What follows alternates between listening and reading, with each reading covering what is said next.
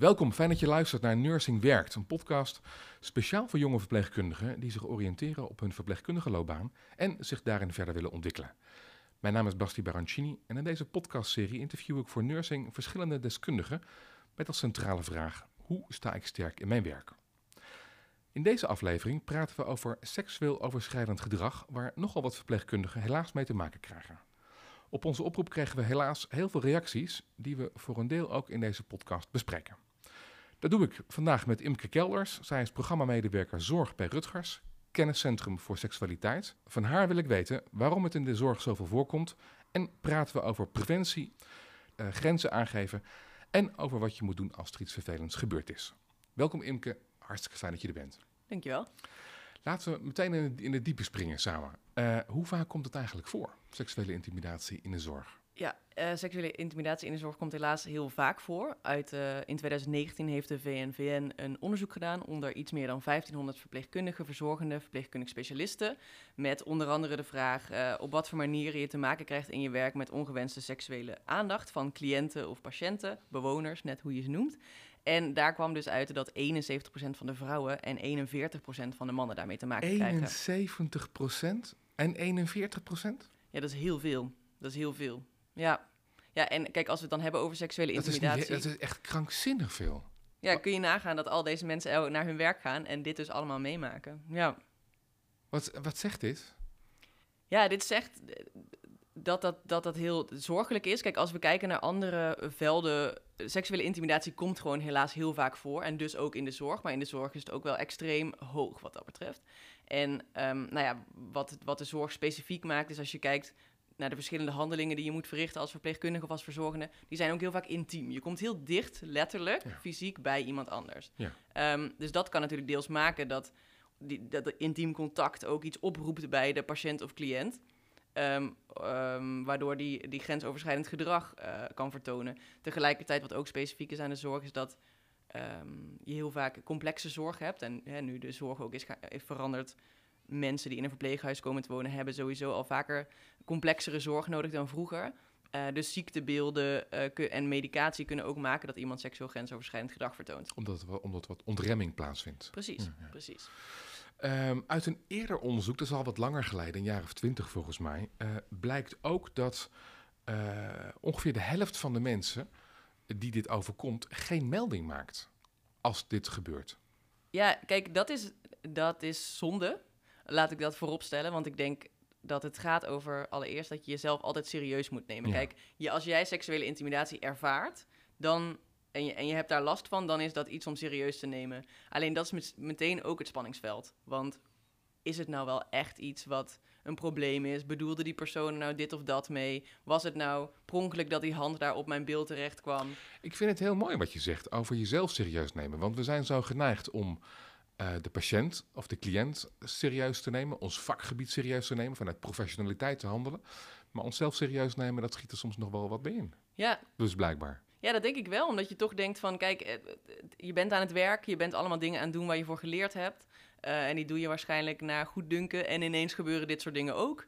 En dan denk je, ja, wat, wat, was het nou precies? Je gaat gewoon best wel snel aan jezelf twijfelen, helaas. En dat gebeurt überhaupt als het gaat over seksuele intimidatie. Van, nou ja, het zal wel aan mij liggen. Het zal waarschijnlijk wel niet zo bedoeld zijn.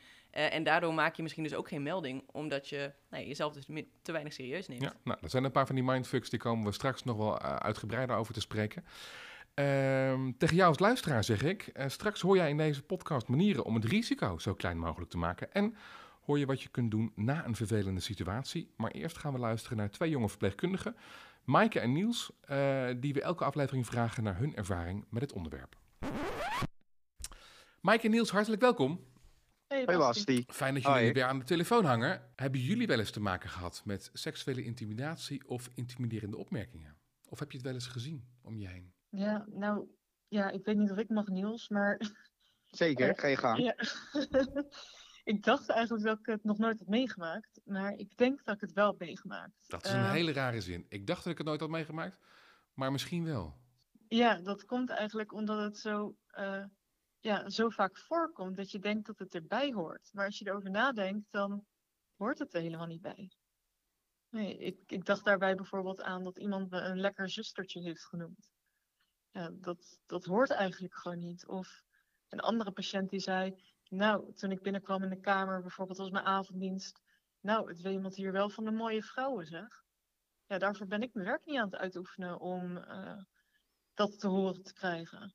En ik lach het dan een beetje weg, want ja, het gebeurt eigenlijk zoveel. Is er, hè, wat je zegt, ik, ja, ik, ik lach het maar een beetje weg.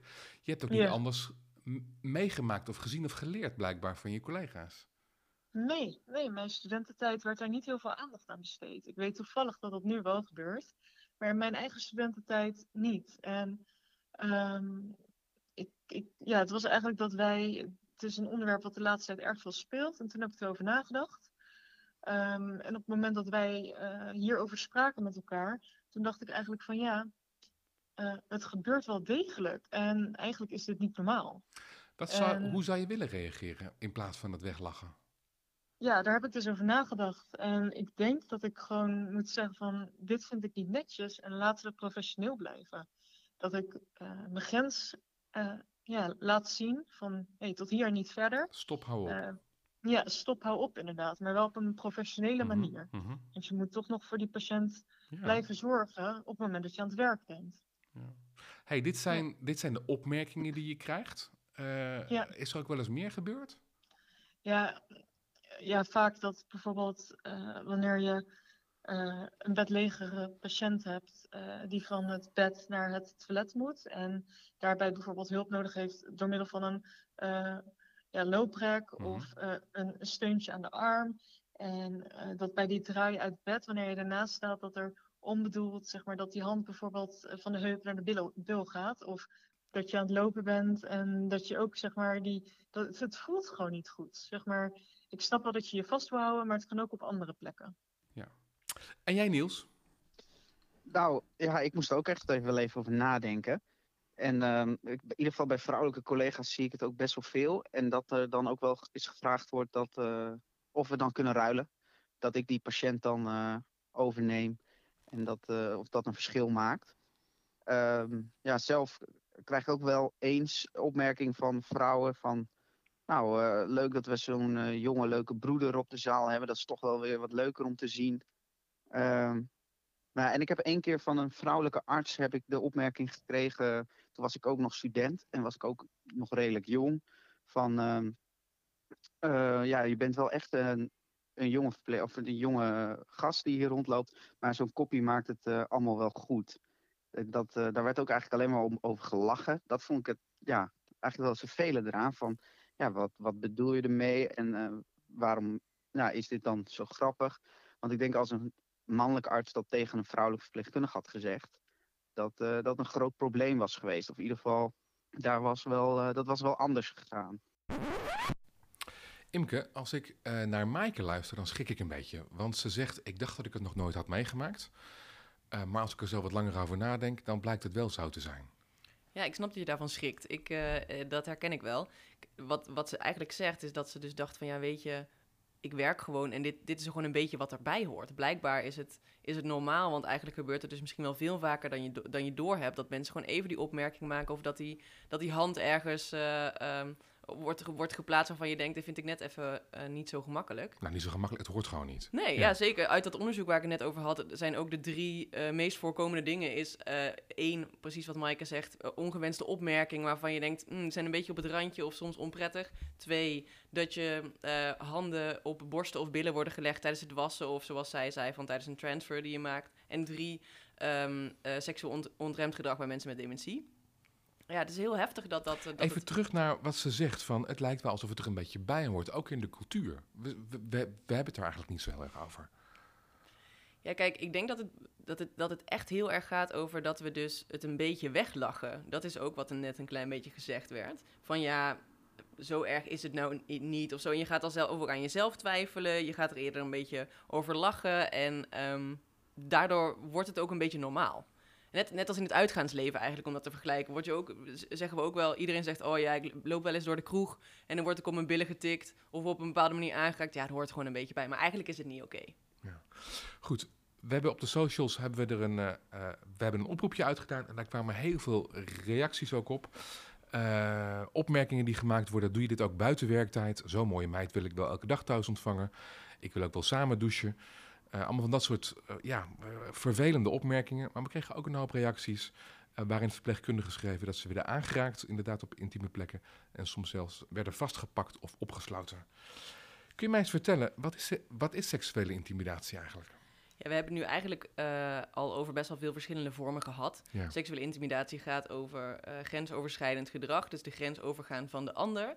Ehm, en het is eigenlijk, het zijn heel veel dingen. Het is, het is, het is ook dus bepaalde opmerkingen maken, het is aanraking op een bepaalde manier, eh, maar ook veel heftige dingen zoals eh, ehm, aanranding of verkrachting. Ja, Dus eigenlijk is het heel breed. ja. Eh, en, maar waar begint het? Ja, het- Is bijvoorbeeld, is, is bijvoorbeeld kijken, hoort dat daar ook al bij? Ja, seksuele intimidatie kan verbaal zijn, maar kan ook non-verbaal zijn. Dus zeker is kijken ook een manier waarop je intimiderend kunt zijn. Ja. Waar begint seksuele intimidatie dan? Ja, kijk, uiteindelijk gaat het over... Als ik het zo ervaar, als iemand eh, mij seksueel intimiderend benadert... dan is dat wat het is. En, dat, en ik wil wel benadrukken, kijk, het is niet per se zo... dat misschien een patiënt of cliënt, eh, in dit geval waar we het over hebben... het altijd ook zo bedoelt. Ehm, maar als jij het zo ervaart, dan is het intimiderend en dus niet oké. Het lastige is dat het een heel groot grijs gebied is, waarbij ook intentie een rol speelt. Want ehm, hè, als iemand zegt, wat blij dat je me komt wassen, dat kan ook heel goed bedoeld zijn. Ja. ja, dat is dus precies het hele lastige ook wat, eh, van dit thema. Want dat kan ook inderdaad gewoon helemaal niet per se seksueel bedoeld zijn. Ja. Misschien bedoelt die persoon oprecht wel wat leuk dat jij daar bent, want ik kan altijd zo lekker met je kletsen. Ehm, kijk, en dat is dan ook iets wat je als verpleegkundige moet gaan onderzoeken. Is, is wat, wat bedoelt die persoon daar precies mee? En dus ook bijvoorbeeld aangeven van, nou ja, Maar hoe doe je dat dan, dat, dat onderzoeken?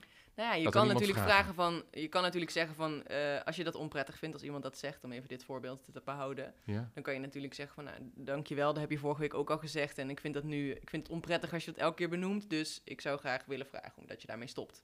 Nou, als dat niet gebeurt, dan moet je ook bedenken van op wat voor manieren je eh, dat nog op een andere manier duidelijk kan maken. Het lastige is ook als je dit soort dingen aangeeft, dat je ook gewoon een beetje de sfeer kunt verpesten. Als het, zo'n, als het, als het die hele lage drempel Ja. nog heeft.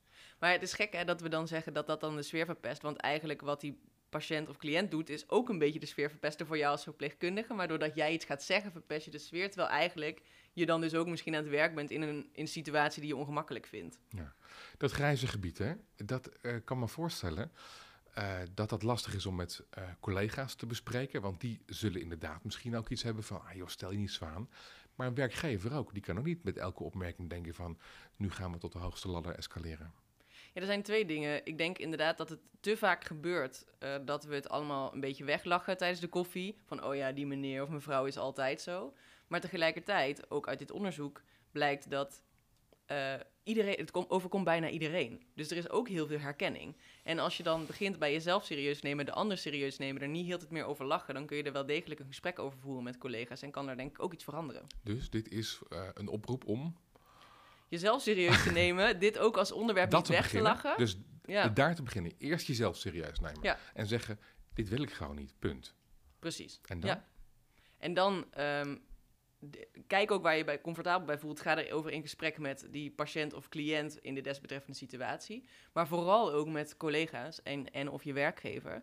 Eh, maak het gewoon een onderwerp wat je, eh, wat, je, wat je bespreekt tijdens een teamoverleg of tijdens de koffie. Onze luisteraars zijn 1 21, 22, 23. Hè. Deze podcast wordt gemaakt voor jonge verpleegkundigen. Dat is best ingewikkeld Ja. om zo'n groot onderwerp eh, in je team te, bes- te bespreken. Ja, ja dat, dat snap ik heel goed. Eh, je bent ook jong en je, je bent je überhaupt natuurlijk... Ja, hoe kun je zo'n gesprek aangaan? Ik denk dat je, je kan ook kijken naar de andere jonge eh, verpleegkundigen in jouw team of verzorgenden in jouw team. Eh, gaat, er, gaat er eens met hen over hebben.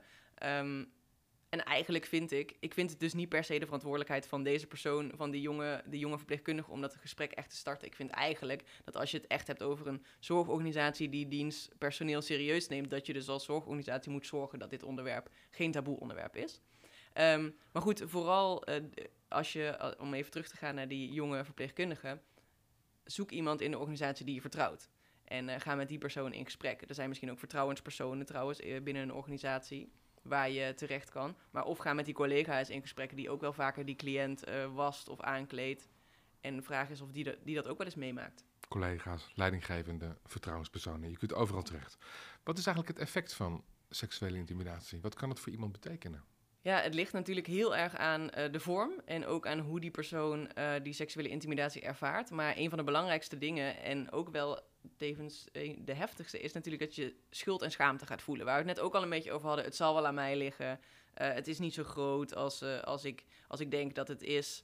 Ehm, en misschien heb ik ook niet zo heel goed, ja, misschien kwam ik net te dichtbij, et cetera. Ehm, dus dat is één ding wat, wat, wat het kan, eh, wat voor effect Wat kan is de mechaniek daarachter? Ja, toch wel snel denken. Waarom? Omdat er zo'n grijs gebied is. Er is zo'n grijs gebied. Eh, allereerst is er een grijs gebied en denk je van... Ja, bedoelde die persoon het nou echt zo of zo? Maar waarom betrek je het zo op jezelf, alsof jij zelf een fout hebt gemaakt? Wat is de, eh, de mentale mechaniek daarachter? Ja, ik denk dat je toch vaak ook het gevoel wil hebben van... wa- wat had ik anders kunnen doen? Want je bent in een situatie beland waarbij je, waar, die je, waar je eigenlijk niet in wilde zitten. Ehm, en dus ga je al heel snel denken... wat had ik nou anders kunnen doen om deze situatie te voorkomen? Is dat omdat je de controle bent kwijtgeraakt in het moment en dan mentaal de controle weer terugkrijgen? Ja, dat denk ik wel. Ik denk dat je die controle dus wil hebben. Eh, en, en dus gaat nadenken, wat had ik anders kunnen doen? En eh, toch ook al heel snel... Kijk, we leven ook in een maatschappij waar in ieder geval, mijn inziens, nog te vaak eh, wordt gesproken over... Dan moet je ook niet s'avonds over straat lopen. Of eh, je moet zelf ook een beetje oppassen. Dat hele idee van als, als, als slachtoffer eh, krijg je toch nog ook wel vaker eh, de schuld. Ehm, dus dit zijn twee belangrijke dingen die kunnen gebeuren. Schuld en schaamte, maar er is natuurlijk nog veel meer mogelijk. Hè? Ja, ja de- precies. Er is nog veel meer mogelijk wat seksuele Ik kan intimidatie... me ook voorstellen dat het vernederend voelt, om maar een voorbeeld te gebruiken. Ja, ik, ik ook, absoluut, absoluut. En, en het, het, kan ook resulteren in het feit dat je dus naar je werk gaat op een onplezierige manier, dat je je onveiliger gaat voelen. Het kan zelfs resulteren natuurlijk in eh, depressieve klachten. Eh, het is ligt, ja, het- het- Maar dat is super heftig wat je nou beschrijft, want we hebben al heel veel te weinig verpleegkundigen. Als er dan ook nog eens eh, duizenden af gaan haken omdat ze het niet meer prettig vinden op hun werk. ja En dat is hebt, heel heftig. En je hebt niet voor niks een paar jaar gestudeerd. Dan wil je ook gewoon een leuke bijdrage leveren aan de maatschappij, aan patiënten. Ja, ik vind dat heel heftig. En, en ik vind het daarmee ook dat je dus als ehm, werkgever in de zorg dit onderwerp echt heel erg serieus moet nemen. Ehm, en in bredere zin gaat dat wel over aandacht voor seksualiteit of seksuele gezondheid. En dus kijken waar dat gedrag van die cliënt of patiënt vandaan Daar komen we komt. zo direct uitgebreider over te, over te spreken. Maar het is inderdaad eh, natuurlijk een, een verantwoordelijkheid van, van een organisatie om mensen erbij te houden. Eh, maar je benadrukt ook al een paar keer ook, ook de verantwoordelijkheid voor jezelf om jezelf serieus te nemen. Ehm, en de impact op langere termijn? Ja, die kan natuurlijk ook dus heel erg gaan over eh, misschien wel zelfs grotere dingen zoals depressie of eh, PTSS. Ja, uiteindelijk kan het veel meer impact hebben, denk ik ook, dat we denken als het ook vooral zeg maar die kleine situaties zich opstapelen of dat het inderdaad gaat over een veel grotere eh, situatie zoals aanranding of verkrachting. De oplossing eh, lijkt zo eenvoudig, lijkt zo simpel. Namelijk gewoon een keiharde grens stellen. Stop, hou op. Dit wil ik niet. Ja, ik denk niet dat die oplossing zo simpel is eigenlijk. Want ehm, ik, ik, als we het hebben over de zorg en als we het hebben over patiënten en cliënten die dit gedrag vertonen naar eh, verpleegkundigen, dan komt dat gedrag ook ergens vandaan. Dus zomaar stoppen, dit is niet wat ik wil, eh, stop hiermee, is niet altijd de oplossing. Want dat gedrag kan soms ook voorkomen, veel vaker. ehm, door bijvoorbeeld ziekte of medicatie. En iemand is dus ook niet helemaal in staat om bijvoorbeeld te begrijpen dat dit gedrag niet oké is. Dus heel gemakkelijk zeggen, stop, dit wil ik niet meer, kan niet altijd in de zorg. Wat Maaike suggereert is eh, eh, zeggen, dit vind ik niet heel erg fijn, laten we professioneel blijven. Ik weet niet of het veel indruk maakt op iemand. Ja, ik weet niet of je, ik weet niet of, ik, ik denk eigenlijk niet dat ik van mening ben dat stop, hou hiermee op, eh, per definitie krachtiger is dan, dan, dan, dan te zeggen wat Maaike zegt. Mhm. Ik denk dat het heel erg ligt aan de situatie waar je in begeeft, welke patiënt ehm, of cliënt je voor je hebt. Wat moeten we dan wel doen? Ja, vooral, eh, nou ja, we hebben al een aantal dingen benoemd. Eh, jezelf serieus nemen, in gesprek gaan met collega's Maar- ja. en of werkgever. Ehm, Maar dan, maar dan gebeurt het. Je staat aan dat bed en dan gebeurt het. En dan neem je jezelf serieus. Wat doe je dan? Kijk, als jij in je opleiding hebt geleerd om eh, hier eh, mee om te gaan, dan, dan wordt het dus ook wordt het al veel beter. Dus ehm, dat, is, dat is één ding waar ik wil beginnen. Dat je als je hier als verpleegkundige, als dit gewoon als onderdeel van je werk wordt, dan kun je ook, eh, ben je, ben je, heb je beter gereedschap om er iets mee te doen. Dus ik kan me heel goed voorstellen dat verpleegkundigen zich nu heel erg eh, onbekwaam voelen om hier iets aan te doen. Maar goed, je staat aan dat bed, dan gaat het over eh, je grens aangeven inderdaad. Dus zeggen van ik vind het niet, ik vind het niet prettig eh, wat hier gebeurt. Wil je die opmerkingen niet meer maken? Ehm, ik, ik vind het niet fijn als je die handen op die plek legt, wil je daarmee stoppen? En ik bedoel, dat, dat kan je heel duidelijk doen, maar je moet echt ook, ja, het is ook een beetje oefening baart kunst. Helaas komt het heel vaak voor. Ehm, dus je moet leren die grens stellen.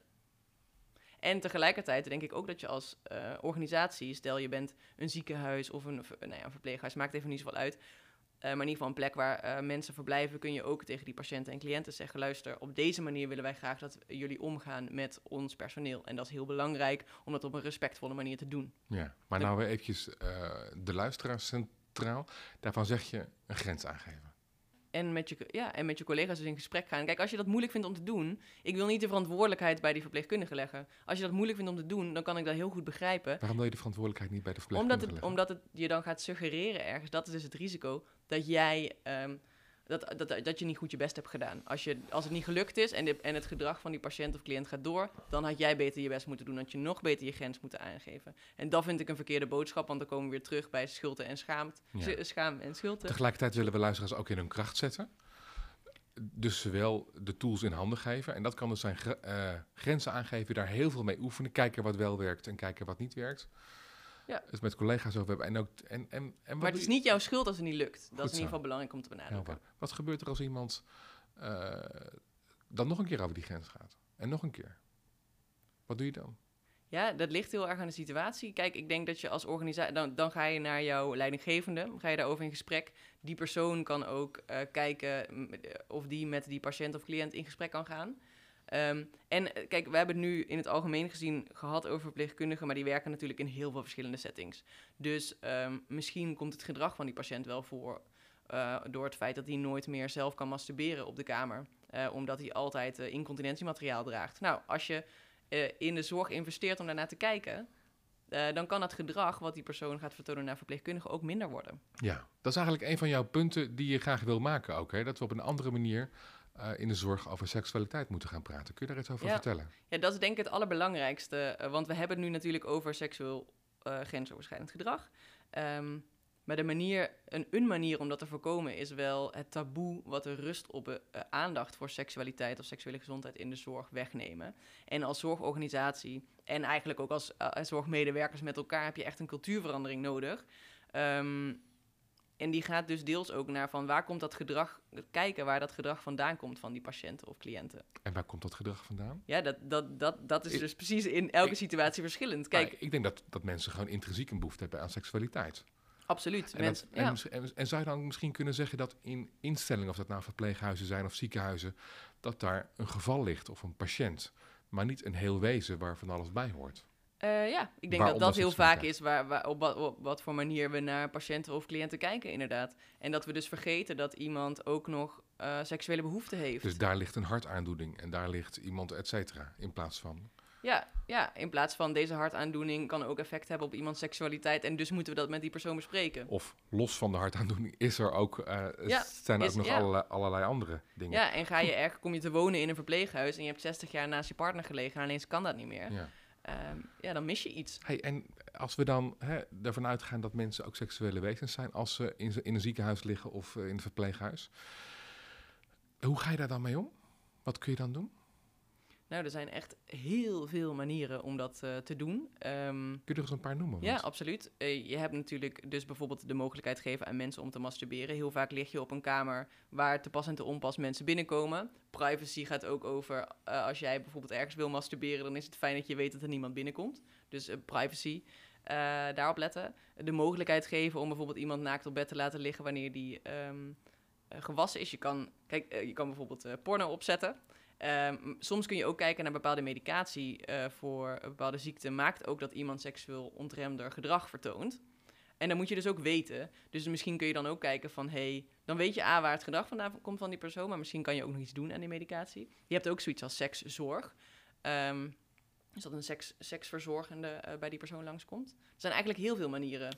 Een van de dingen maar dat, dan, dan ben je echt wel alweer een stapje verder. Even een, van de, een van de dingen die ik mooi vind, om, die je zegt, is eh, aan de ene kant ehm, moet het taboe erop verdwijnen. Dus eh, gewoon zien dat mensen ook seksuele wezens zijn. En aan de, aan de, aan de, aan de andere kant de gelegenheid bieden. Dus Ja. even wat op bed te laten liggen, nog 10 minuten. Of wat eerder in de douche laten gaan. En dan, dan, Ja. dan kan iemand het daar eventjes doen. Nou ja, en eigenlijk, eh, omdat waar, waar we natuurlijk vandaag ook over hebben, wat kun je dus als verpleegkundige eh, zelf doen, dan is het dus ook dat. Ook al is dat niet bij, past dat niet bij jouw takenpakket, zeg maar, wat je misschien geleerd hebt op school eh, of tijdens je opleiding. Het is ook onderdeel van, jou, van jouw werk om dus te kijken naar die patiënt als seksueel wezen en te kijken waar ligt die behoefte en op wat voor manier kunnen wij die persoon daarin ondersteunen. Ja. Zonder dat je het zelf doet, maar wel dat je de omstandigheden zo creëert dat Ja, kijk, ik, ik ben in staat om mijn seksualiteit vorm te geven op een manier die bij mij past.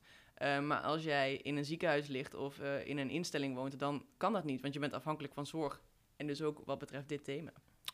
Een ander punt wat eh, op langere termijn ook zou kunnen werken, is dat we met z'n allen meer tijd besteden aan sociale veiligheid, zeg jij. Leg eens uit wat je daarmee bedoelt. Ja, dat gaat over dat je dus met z'n allen als team of als organisatie eh, je, je verantwoordelijk voelt om ehm, een veilige sfeer te creëren. Voor de mensen die daar werken, voor de patiënten overigens die daar ook eh, wonen of liggen. En dat je dus met z'n allen ehm, daar, daar, je, je daarvoor inzet. Ja, dat is nog best een dingetje, want luister, er is zoveel tijd tekort en er is zoveel werk om te doen. Hoezo moeten we dan met z'n allen eh, een, eh, een uur per dag aan, socia- aan sociale veiligheid werken? Ja, de grap is natuurlijk, als het gaat over veiligheid, dan is het niet dat je een uur per dag dat aan het doen bent. Je komt natuurlijk een ruimte binnen, eh, wij ook als we gaan werken, en dat, je wil je veilig voelen. Dat is een soort van basisgevoel wat je, wat je, wat je, wat je moet hebben op je Ja, werk, net als plezier. Ja, maar nou ja. Het, lu- het werk moet af. Ja, maar de, de context, je, je creëert met z'n allen de context waarin je eh, aan het werk bent. Dus eh dat gaat ook over plezier, maar dat gaat ook over veiligheid. Dus ben je met z'n allen verantwoordelijk om dat te doen. En ik, ik, ik zie het niet als een taak die je moet verrichten zoals wondverzorging, maar als een taak om met elkaar, eh, voor, ja, voor, elkaar met, voor elkaar te zorgen, met elkaar te zorgen dat je, dat je, dat je een veilige werkplek hebt. Een van de luisteraars, die schreef ons in een privéberichtje dat ze was vastgepakt door een oudere man, waardoor ze helemaal verstijfde. Eh, na de route heeft ze samen met een collega een melding gemaakt bij leidinggevende. En daarop is de zorgovereenkomst beëindigd en heeft een andere zorgorganisatie het eh, overgenomen, waarbij die nieuwe zorgorganisatie overigens wel is ingelicht. Nou, dat lijkt me een prima oplossing. Ja, er is in ieder geval een oplossing eh, in dit geval. Ik kan me goed voorstellen dat, dat zij dan besluiten... wij willen deze zorg niet meer verlenen aan deze cliënt. Ik hoop Ja. vooral dat die zorgorganisatie waar die cliënt terechtkomt... dan ook gaat kijken waar komt dat gedrag vandaan... en hoe kunnen we zorgen dat het niet wederom dan gebeurt bij de volgende verpleegkundige. Ja, dat niet verplaatst wordt, het hele probleem. En nou, a- andere verpleegkundigen die reageerden op onze oproep. En eh, zij schreef, ik leer leerlingen altijd om niet met je rug naar een cliënt te gaan staan. En sta altijd bij een uitgang of een eh, open deur. Is Ja. dat een goede oplossing? Ik vind dat persoonlijk best wel heftig. Ja. Als je jezelf voorstelt dat jij dus naar je werk gaat... en je moet misschien wel bij nou ja, twintig cliënten op een dag eh, in een kamer eh, Mhm. binnenkomen... en elke keer is dat waar je je van bewust bent. Ik, dat lijkt me geen veilig gevoel. Nee. Ehm, Dus dan zit daar op een veel, op een veel fundamenteler niveau. Ja. Als je zo denkt, als je bij de politie werkt of, bij, of in het leger, dan oké. Ja. Maar als je bij de zorg, als je in de zorg werkt, dan Ja, is dat niet ik je- vind het best wel heftig en ik kan me goed voorstellen dat het voortkomt uit een situatie die die verpleegkundige heeft meegemaakt die heel heftig was en daardoor, nou ja, wapen je jezelf een beetje in zo'n situatie. Maar als je dat altijd leert aan verpleegkundigen, wat zegt dat dan? Dan zegt dat elke cliënt kan een potentiële aanrander zijn en ben altijd op je hoede. Mhm. Dat lijkt me onprettig. Ja, goed. Dan hebben we het over opmerkingen, dan hebben we het over blikken, dan hebben we het over eh, een hand op een bil, al dan niet toevallig of wat dan ook. Maar we, hebben, we kunnen het, ook hebben over wat heftiger dingen. Gewoon aanranding. Ook dat gebeurt. En zelfs nog, ver- nog verder dan dat. Aangifte, is dat een goede oplossing? Absoluut, absoluut. Ehm, ik vind het belangrijk dat je jezelf serieus neemt wederom en dat is ook aangifte doen. Ja. Heeft dat überhaupt zin? Ja, kijk, het is, het- Het wordt je ontraden. Als je bij de politie komt, dan wordt het je gewoon ontraden. Ja, En- en je ik zou mensen nooit wachten. ontraden om eh, aangifte te doen. Het is ook een deel van ons, een probleem van deze structuur, dat het je ontraden wordt. Kijk, dat is niet, het zou niet zo moeten zijn. En Mhm. dus als je besluit, eh, als er zoiets je overkomt, dan neem ik mezelf serieus en ga ik aangifte doen. Ik vind dat, dat, dat je dat absoluut moet blijven doen. Kijk, en het lastige wederom is dan, ehm, als, je bent, als er een aanranding plaatsvindt, bijvoorbeeld door een eh, een persoon die een zware vorm van dementie heeft, kijk, dan kan je jezelf oprecht afvragen in hoeverre ja, heeft dat nut? Want deze persoon weet misschien helemaal niet eens wat hij wat die doet. Maar je moet, dus, dus dan, dan, dat is een beetje het grijze gebied over al dan niet aangifte ehm, doen. Maar in andere, alle, alle andere gevallen zou ik zeggen, dat moet je absoluut doen. Ja. Mag je ook van je werkgever eisen dat hij meegaat? Of dat hij je hierbij helpt? Ja, vind ik wel. Goed, dan is er nog een groep waar we het ook nog even over moeten hebben. Dat zijn eh, de mannen. Eh, Altijd goed. Ja, ook Niels die gaf aan op een manier benaderd te zijn die niet in de haak is. Uit het onderzoek wat jij in het begin even aanha- eh, aanhaalde, bleek ook dat eh 41% van de mannen dit meemaakt. Eh poeh, Ja, dus ze moeten vooral niet denken dat het eh, alleen bij vrouwen voorkomt. nee, nee, absoluut. Dat is natuurlijk een beetje het- misschien het... Nou ja, het gebeurt wel vaker bij vrouwen, maar tegelijkertijd gebeurt het ook absoluut bij mannen. En moeten we dat dus ook serieus nemen. En ehm, soms is het misschien dus ook als man... kan het ook nog lastiger zijn om het dan weer te zeggen. Want, eh, want het is nou eenmaal iets wat vaker gebeurt bij vrouwen. Dus ineens als ik me als man ook onprettig voel... voel je je misschien minder legitiem om daar, om daar eh, iets van te zeggen. Het wordt nog eerder weggelachen, het wordt nog minder serieus genomen. Ja, ja, wat Niels eh, terecht eh, net zei, van als het dan, wat hij als voorbeeld noemde van iemand die tegen hem zei van nou zo'n lekker koppie maakt het goed. Als dat andersom was, qua man die dat tegen een vrouw zei, was daar heel anders op gereageerd. Wat notabene een vrouwelijke dokter was. Ja, Ja. ja. Hebben mannen een speciale rol in zo'n, in zo'n team om dit te laten stoppen? Ehm, ja. Het ligt er een beetje aan, kijk, als het gaat over, ehm, Mag ik een voorbeeld geven? Ja. Stel dat je op een kamer bent, eh, dan kan een vrouw aangeven: stop, dit wil ik niet. En dan, dan, dan kan een mannelijke patiënt daar al dan niet iets mee doen. Maar als je er als man bij loopt en zegt: doe eens even normaal, jij, ja. sukkel. dan houdt het misschien sneller op. Eh, misschien. Ik denk in ieder geval dat je als bijsta bijstaander, of je nou man of vrouw bent, sowieso eh, een rol hebt om daar iets van te zeggen. En het kan wel zo zijn, daar heb je gelijk in. Maar dat is denk ik situatieafhankelijk. Dat ehm, als je als man tegen een man zegt, dat is niet de manier waarop ik wil dat we hier met vrouwen omgaan, eh, dat het kan helpen. Ja, Dat is een extra taak voor Ja. mannen om ook te zorgen voor die sociale veiligheid Ja. in een team. absoluut. absoluut. Dan kan het gebeuren, wel degelijk dat luisteraars dit luisteren en bij zichzelf merken eh, dat ze wel degelijk nog heel veel moeite hebben met eh, een bepaalde specifieke gebeurtenis uit het verleden, uit hun stage of eh, aan het begin van hun carrière. Niet alleen een nare blik of een opmerking, maar wellicht ook een wat zwaarder incident, waarbij de intimidatie misschien ook wel fysiek werd. Wat moet je dan doen?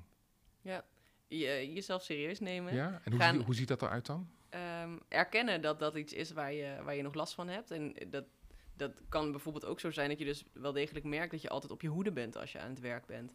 En dat, dat, dat is heel naar. En dat, dat gun je niemand en dus ook niet jezelf. Dus jezelf serieus nemen betekent in dit, in dit geval ook het signaleren daarvan. Ja.